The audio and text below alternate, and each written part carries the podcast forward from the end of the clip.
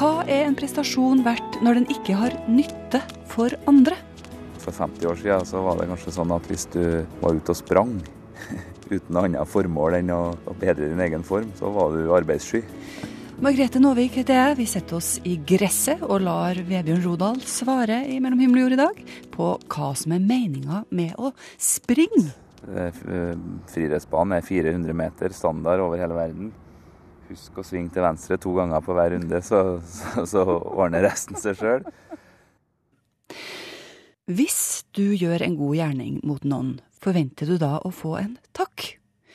Ja, du gjør vel det. Men hva om du aldri får denne takken tilbake? Vil du da hjelpe til igjen?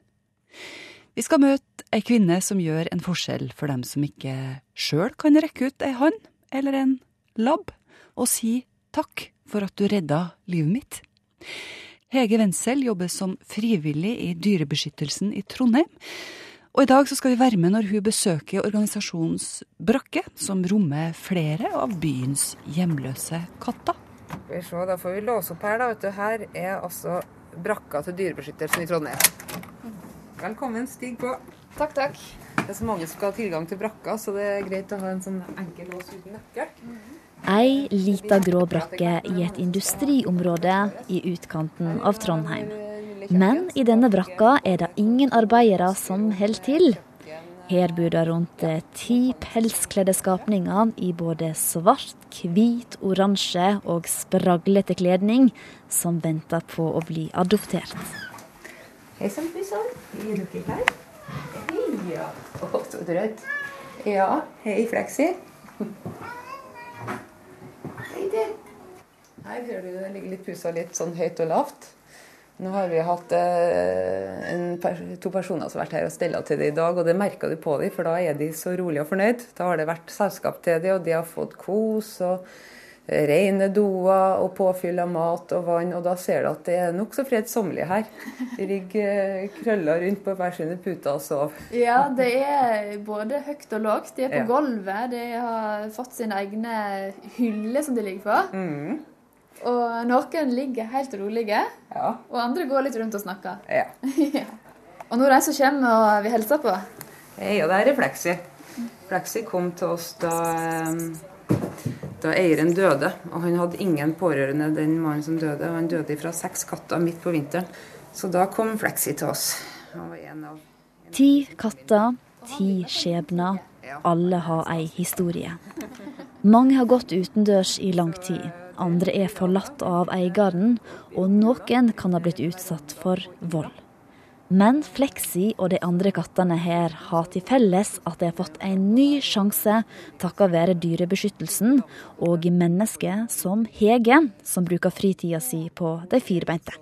Eh, den ene oppgaven jeg har sammen med tre andre, er kontakttelefonen til Dyrebeskyttelsen. Den som publikum, publikum, bruker når de skal ta kontakt med oss. Mm. Vi er fire stykker som rullerer på å ha den, og da har jeg den hver fjerde uke. Ja, så den, den uka jeg har den, så, så, blir det stort sett det jeg gjør. Når jeg er ferdig på mm. jobb, så setter jeg meg ned med den, og da, da kan det hende at jeg blir sittende med den til klokka 11 og jeg går og legger meg. Og sånn går den uka. Så er det enkeltsituasjoner med katter. Kanskje får vi katter som blir akutt syke. Vi må diskutere hva skal vi, hvordan skal vi mm. løse det. det kan, sånn at det, det går en, stort sett ikke en eneste dag uten at jeg gjør et eller annet for dyrebeskyttelse. Være seg å ta en mm. telefonsamtale, svar på en e-post, kjøre ut og gjøre en mm. konkret oppdrag. Hei, pussen. Det er godt å ligge ute og slappe av. Ja, kjempegodt. Og godt å være pusten. Ja, godt å være pusten.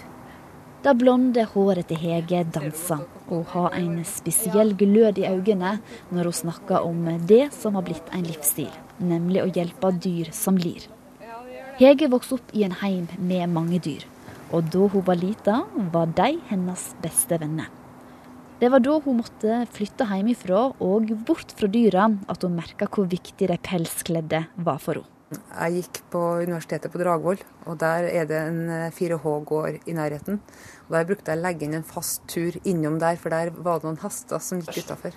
Så det hender at jeg gikk bort dit og delte matpakken min med dem, så jeg fikk kose litt med dem mm. på vei fra universitetet. Det er mange av oss som enten har en katt, hund, fisk eller kanskje en hamster i heimen, men det blir med det. Så hvorfor dreg Hege det lenger? Hvorfor bruker hun sin dyrebare fritid på noe hun ikke engang får betalt for å gjøre? Min, min tanke er det at eh, vi menneskene vi går rundt med eh, så store sko på denne kloden. Eh, vi, vi, tar så stor plass, og gjennom handlingene våre så kan vi til tider være ganske hensynsløse overfor både andre mennesker, natur og miljø og våre firbente medskapninger. Um, og jeg tenker at vi bør, uh, vi bør vite bedre. Uh, nettopp fordi at vi er uh, vi er jo bare et pattedyr, vi også. Og da har vi en synes som vi har en tendens til å, å glemme. Mm. og vi har overordna oss alt og alle og, og utpekt oss sjøl til å være herskere over, over det meste rundt oss. Eh, jeg tenker vi burde være mer ydmyke og se oss sjøl i et uh, samspill med miljøet rundt oss. Mm. Og det å være med i Dyrebeskyttelsen og prøve å gjøre en forskjell for noen dyr, er på en måte litt mitt bidrag til å prøve å rette opp dyr som har opplevd urett. Mm.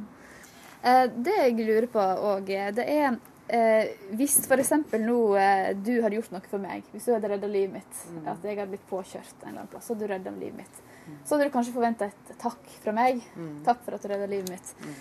Eh, en katt eller hund kan aldri si takk til deg for at du redda livet. Hva, hva, hva, tenker du om det? Um, de kan kanskje ikke si det med ord, men, men en del av det når vi, er, vi tilbringer mye med, tid med de dyrene her. Ja. Uh, og, og, gjennom det så opplever jeg at dyrene er takknemlige Eh, at de viser takknemlighet på en annen måte. Hvordan da? Nei, Det er vanskelig å si det. Det er, så, det er sånne øyeblikk som er, som er, så fantastisk. En del av de her dyrene her har jo gått ute så lenge at de har blitt redd mennesker. Og det er ikke rart, fordi at de, en hjemløs katt er ikke populær, for den går og roter i søpla og, og slåss med de andre kattene for å prøve å, kjempe for tilværelsen. Og, og ofte så må vi fange dem inn rett og slett i feller, eh, sånn ufarlige innfangingsfeller for å få tak i dem, for at de er blitt så engstelige. Eh, og da er det alltid like spent når vi får det inn til oss. Eh, hvor engstelige er de? Klarer vi å rehabilitere? Det er En sjelden gang så klarer vi det ikke, men veldig ofte så klarer vi det. Og det øyeblikket når du da kommer inn på den katten her, når du da på en måte første gang får rør ved den, og, og, du opplever det at katten Plutselig så merker du at den stanger imot hånda di. Når du, du strekker fram hånda og du hører at den setter på motoren, altså begynner å male der, når du ser den der ifra det der vettskremte dyret som uh, ikke vil slippe, slippe, seg, folk inn på seg i hele tatt, det er helt fantastisk. Og det er så, da blir vi så varme om hjertet, for det er nærmest en magisk øyeblikk. Og da, og da, tenker jeg at tenk de her dyrene som har gått ut og streva sånn, og vi vet ikke hva de har opplevd. Mm. Og likevel så velger de å stole på oss en gang til. Ja. Det syns jeg er helt fantastisk. Hva gjør det med deg? Ja, det, det er jo de der små um, små seirene eller lykke, lykkeøyeblikkene som vi har gjennom den jobben her. For vi møter mye, mye trist i det frivillige arbeidet vårt. Og vi, det er mange ganger vi får nesten litt lyst til å gi opp, fordi at uh, omfanget av problemene er så stort. Mm. Uh, og det synes som at det vi gjør er bare en dråpe i havet. Mm. Ja, Er det ikke bare da en dråpe i havet? Jo, men det er gjerne det. Men så tenker jeg det at uh, ingen kan gjøre alt, men alle kan gjøre litt. Mm. Og det det tror jeg nok kan si på mange, vegne av mange som er frivillige i Dyrebeskyttelsen, at det, det her å se enkeltindividene mm. og kunne gjøre en forskjell for de, eh, tenker jeg er det som er verdien. En takk kan jo vises på så mange måter. Vi hørte Hege Wendsel i samtale med Camilla Kjønn Tingvoll. Og Hege er styreleder i Dyrebeskyttelsen Norge, Trondheim og omegn. Vi har eh, installert oss i tidsmaskinen. Drøye 800 år tilbake i tid skal vi. Det er vår i Østfold. Håkon Håkons sønn blir født. Han skal arve trona etter faren sin, Håkon Sverresønn. Bare et halvt år etterpå, på nyttårsdagen i 1204, dør Sverre. Vesle Håkon blir farløs. Baglerne bisp Nicolas i Oslo sine menn råder grunnen i deler av landet. Nå ser de muligheten til å få større makt ved å rydde en kongssønn av veien. Jakta på en bitte liten gutt er i gang. De to beste skiløperne i omegn tar Håkon, som ikke har fylt to år en gang, pakke en godt inn for å beskytte en mot vær og vind og flykte mot Nidaros, hvor kong Inge skal ta imot den.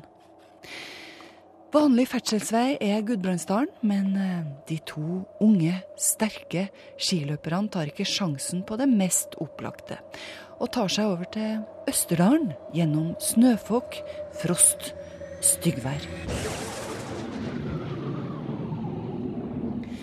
800 år senere har tusenvis av norske menn og kvinner meldt seg på Birkebeinerløpet. Det går av stabelen nå på lørdag til minne om denne hendelsen, egentlig, selv om eh, ikke så mange har det i bakhodet, kanskje. Hei. Ja, hei. Ja, hva har de i bakhodet, egentlig? Hvorfor springer de, alle sammen?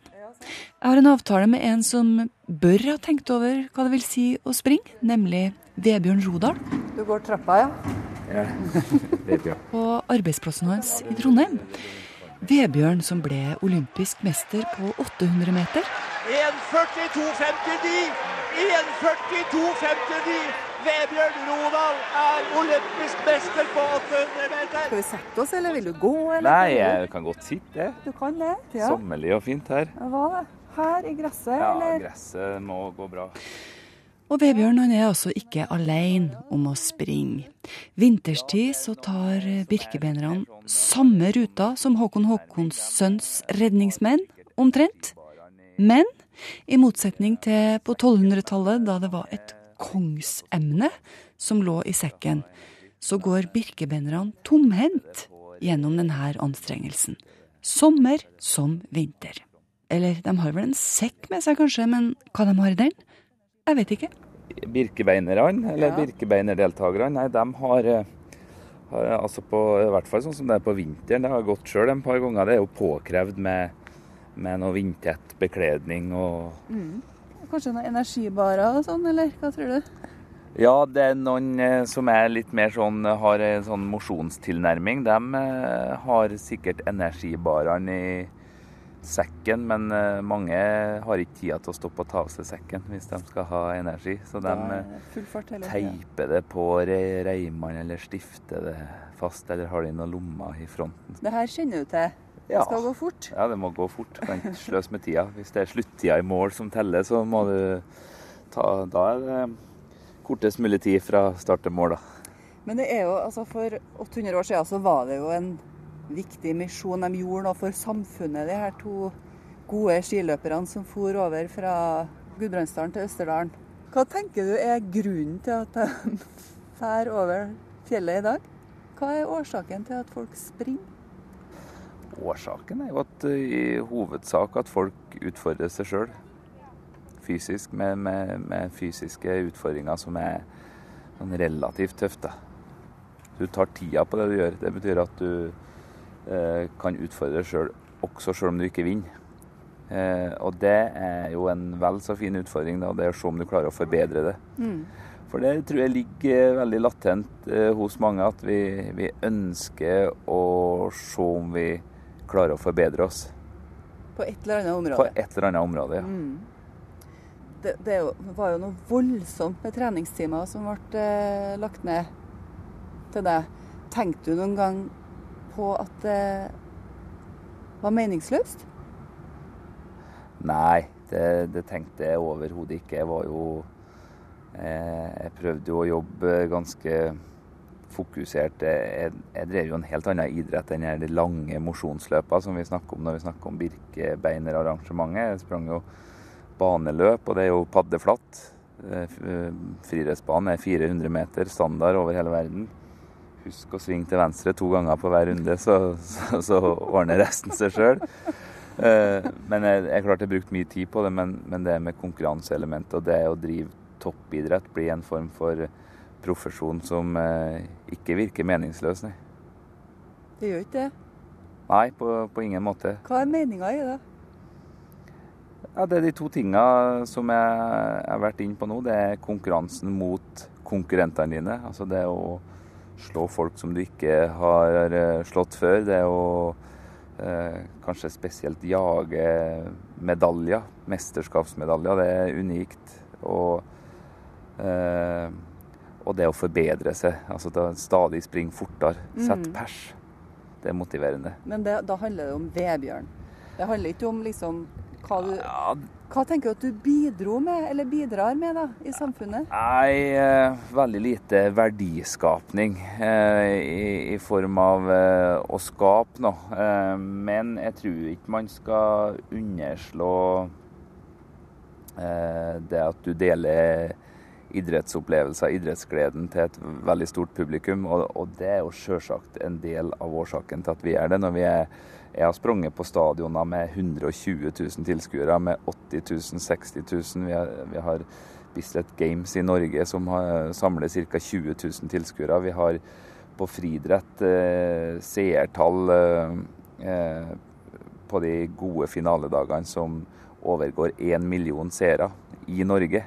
Og da sier det meg at da gleder du ganske mange, eller du interesserer i hvert fall eh, veldig mange mennesker. og på min jobb i dag så, så, er det nesten ikke en lunsj i kantina der vi ikke er innom idrett på en eller annen måte.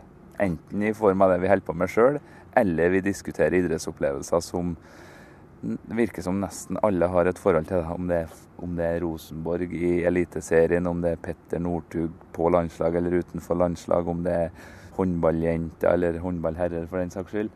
Det er en enorm idrettsinteresse i det norske folket. da. Hvorfor engasjerer jeg sånn? Nei, det er nok uh,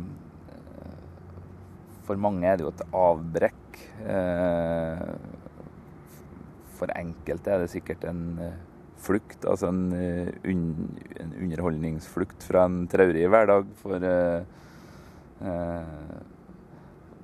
for veldig mange, spesielt hos oss, så tror jeg det handler om at vi, vi har et system i Norge via skole og idrettslag og, og, andre instanser som gjør at alle har prøvd idrett i en eller annen form og kjenner igjen seg i en eller annen aktivitet, og, og syns derfor det er artig å se den utført også på høyt nivå.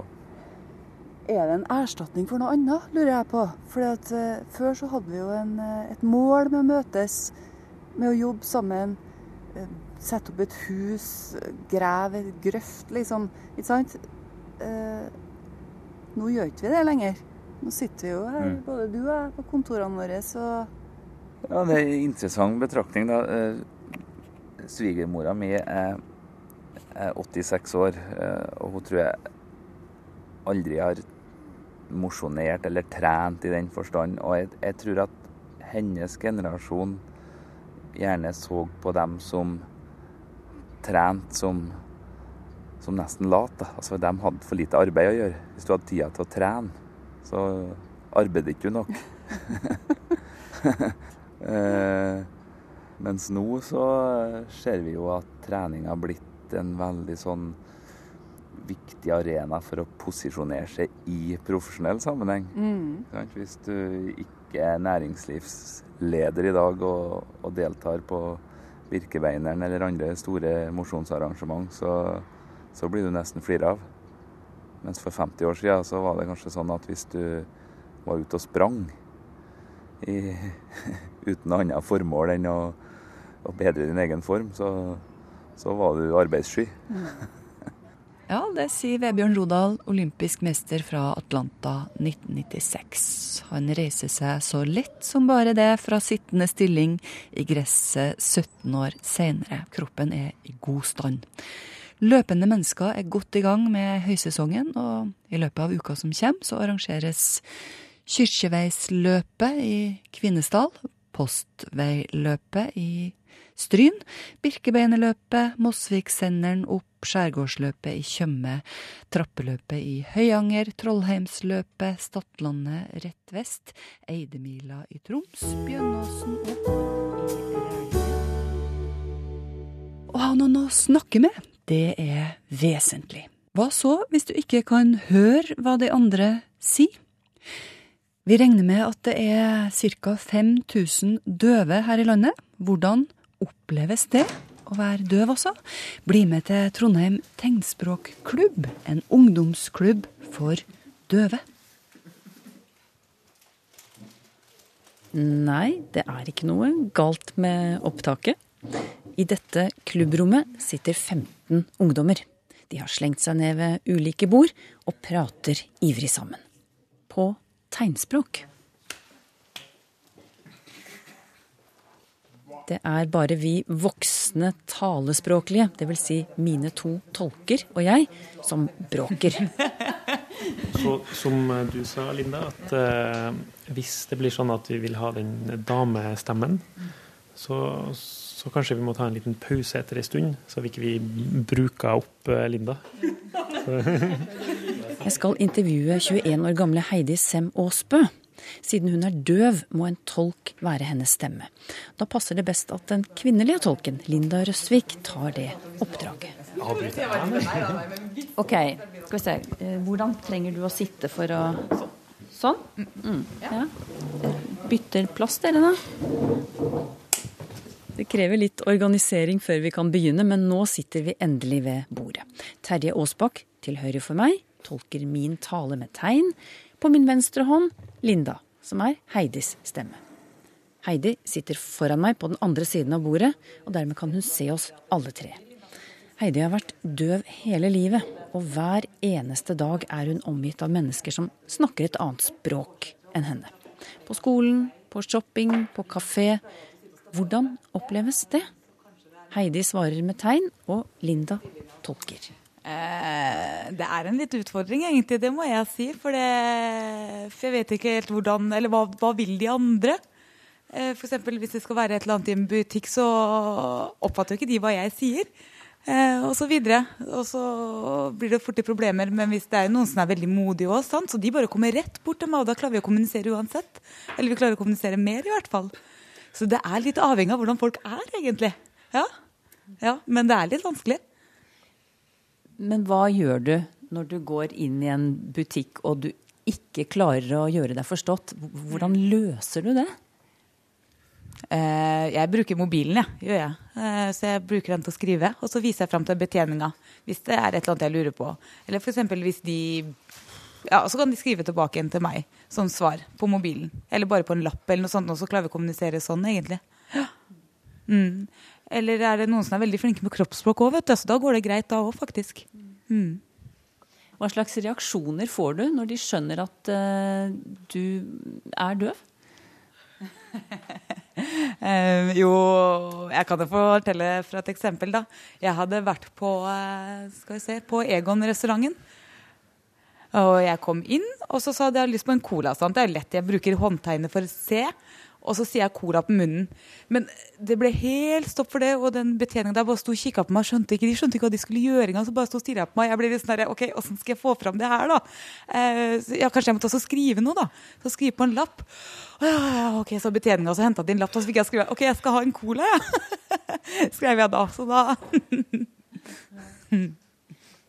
Du ler av det nå og tøyser litt med det, men eh, er det bare spøk? Altså, hvordan opplever du det? Hvordan føles det? Jo um, Det er litt vanskelig å si, egentlig, fordi jeg som personlig så har jeg på en måte akseptert at jeg er døv, så betyr det at jeg på en måte takler det.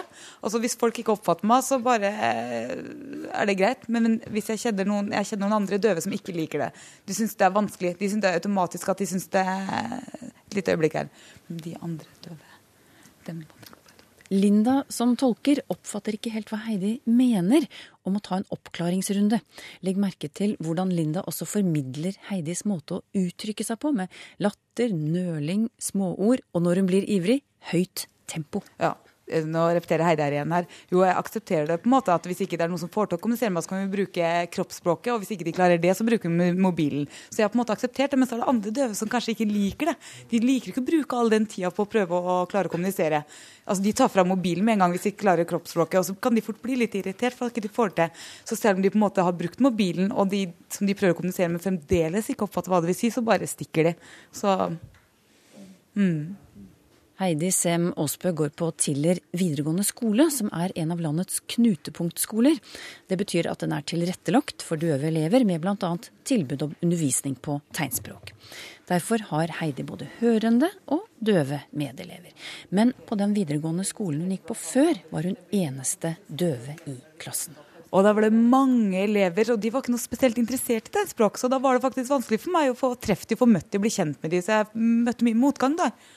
Altså, de er ikke interessert i å snakke med meg, sant. Så betyr det at jeg på en måte, da har jeg ikke lyst til å gå til de og prøve på en måte å bli kjent. Jeg blir liksom som den dumme. Jeg føler meg i hvert fall sånn. Det hadde vært bedre med de som faktisk er interessert i tegnspråk og smiler og er imøtekommende. Da tør jeg å møte de også, sant? Altså at vi får til kommunikasjon der. Men ikke når de ikke er interessert da du var den eneste døve i klassen, hadde du ingen å være sammen med? Da? Hvordan var det sosiale livet ditt på skolen? Hmm, spørsmålet er jo egentlig altså, Fordi jeg har jo familie, og de er hørende. Så, er måte, så jeg er litt sånn vant til å være aleine. For typisk når jeg er sammen med familie, så sitter de og prater med talespråket. sant? Og da sitter jeg jo der, og så forstår jeg ikke. Av og til så kan jeg si fra til mamma du kan ikke du ta så tolk for meg hva de sa. Og da gjør mamma det, så det kan bli litt sånn tolk, men jeg blir aleine likevel, på en måte. Og det er egentlig det samme på skolen, så jeg, jeg, er litt vant til det egentlig. Så litt sånn samme for meg. Og så møter jeg heller venner som jeg kan snakke med på kveldstid. Men så jeg er mye sosial på kveldstida, for det er ikke så mye på dagtid. Så da må jeg på en måte utnytte meg av kveldstida for å få, på en måte, få ut alt. Ja. Det er typisk da at vi møtes på kvelden med flere døve venner.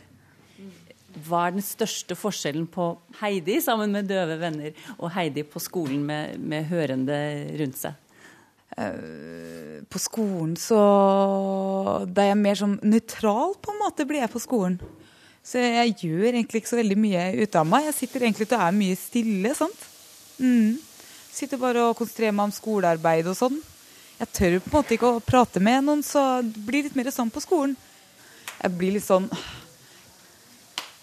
Altså, jeg, jo, jeg føler liksom at jeg kan på en måte ikke gjøre dumme ting. Jeg må veldig oppføre meg på skolen, for da har jeg ikke den kommunikasjonen. sant?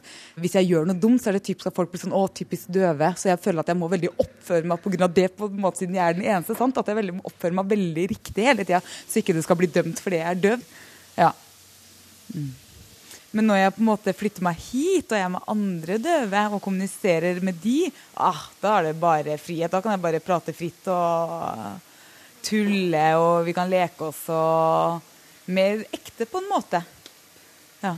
Akkurat sånn som når hørene er sammen, sånn er døve når de er sammen.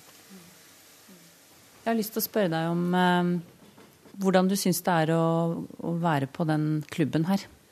Her er du i språklig majoritet. Det betyr mye for meg.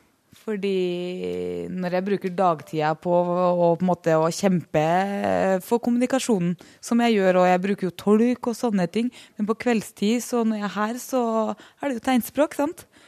Betyr at jeg føler meg Jeg syns det er godt. Jeg har en god følelse inni meg. Ja, de, eh, ja, de senker skuldrene og slapper av og er seg sjøl her. Det er prosjektlederen for tegnspråkklubben i Trondheim, Marita Løkken, som bryter inn. Hun er selv sterkt tunghørt og kjenner seg igjen i mye av det Heidi har fortalt. Og det tror hun også mange av de andre døve ungdommene i klubben gjør. De er jo i den alderen at de går på skole. Og mange er integrert. Uh, som du hørte fra Heidi, uh, så er det tøft å være eneste døve i klassen. Og uh, som døv eller hørselshemma så er du integrert. Men uh, her, når du får snakke på egne, egne, premisser, så er det inkludert. Du er deg sjøl. Uh, ja.